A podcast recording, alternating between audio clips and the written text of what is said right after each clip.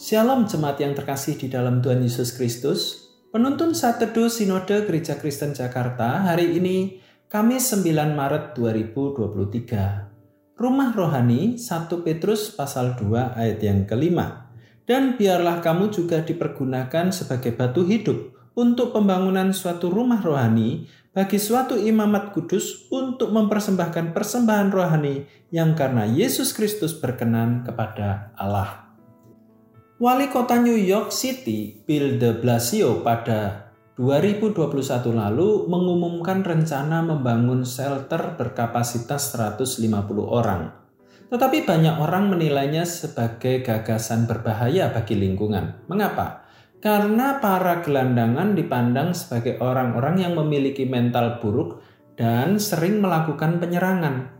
Apa pun alasannya, tidak dapat dipungkiri bahwa mendirikan shelter selalu memiliki risiko besar. Itu sebabnya tidak semua orang suka melakukannya.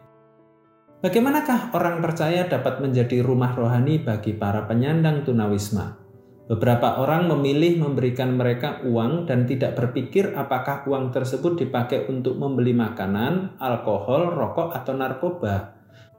Sementara yang lainnya lebih memilih untuk memberikan makanan daripada uang untuk menghindari penyalahgunaan bantuan tersebut. Namun ada juga yang lebih memilih menyumbangkan uang mereka untuk membangun rumah singgah agar mereka dapat berteduh dengan nyaman dan mengurangi kemungkinan orang miskin yang menjadi pengemis dan gelandangan di jalanan. Allah memberi kesempatan bagi orang Kristen untuk membantu orang miskin, Allah juga berjanji untuk memberkati ketika kita melakukannya.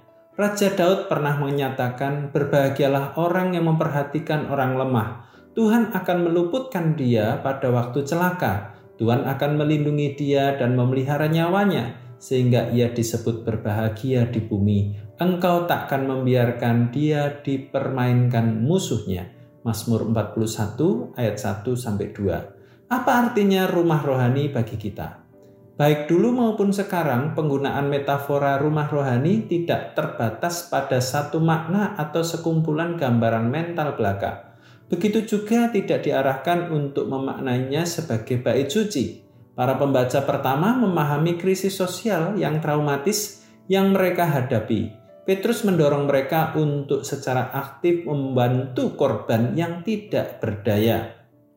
Mereka dapat memilih untuk menjadi rumah dan keluarga bagi para tunawisma. Mereka tidak perlu bertanya-tanya di mana Tuhan dalam semua ini. Mereka dapat memilih untuk menjadi tempat hadirat Tuhan di dunia sekarang ini. Sudahkah saudara siap menjadi perpanjangan tangan Allah bagi orang-orang miskin dan menjadi rumah rohani bagi mereka?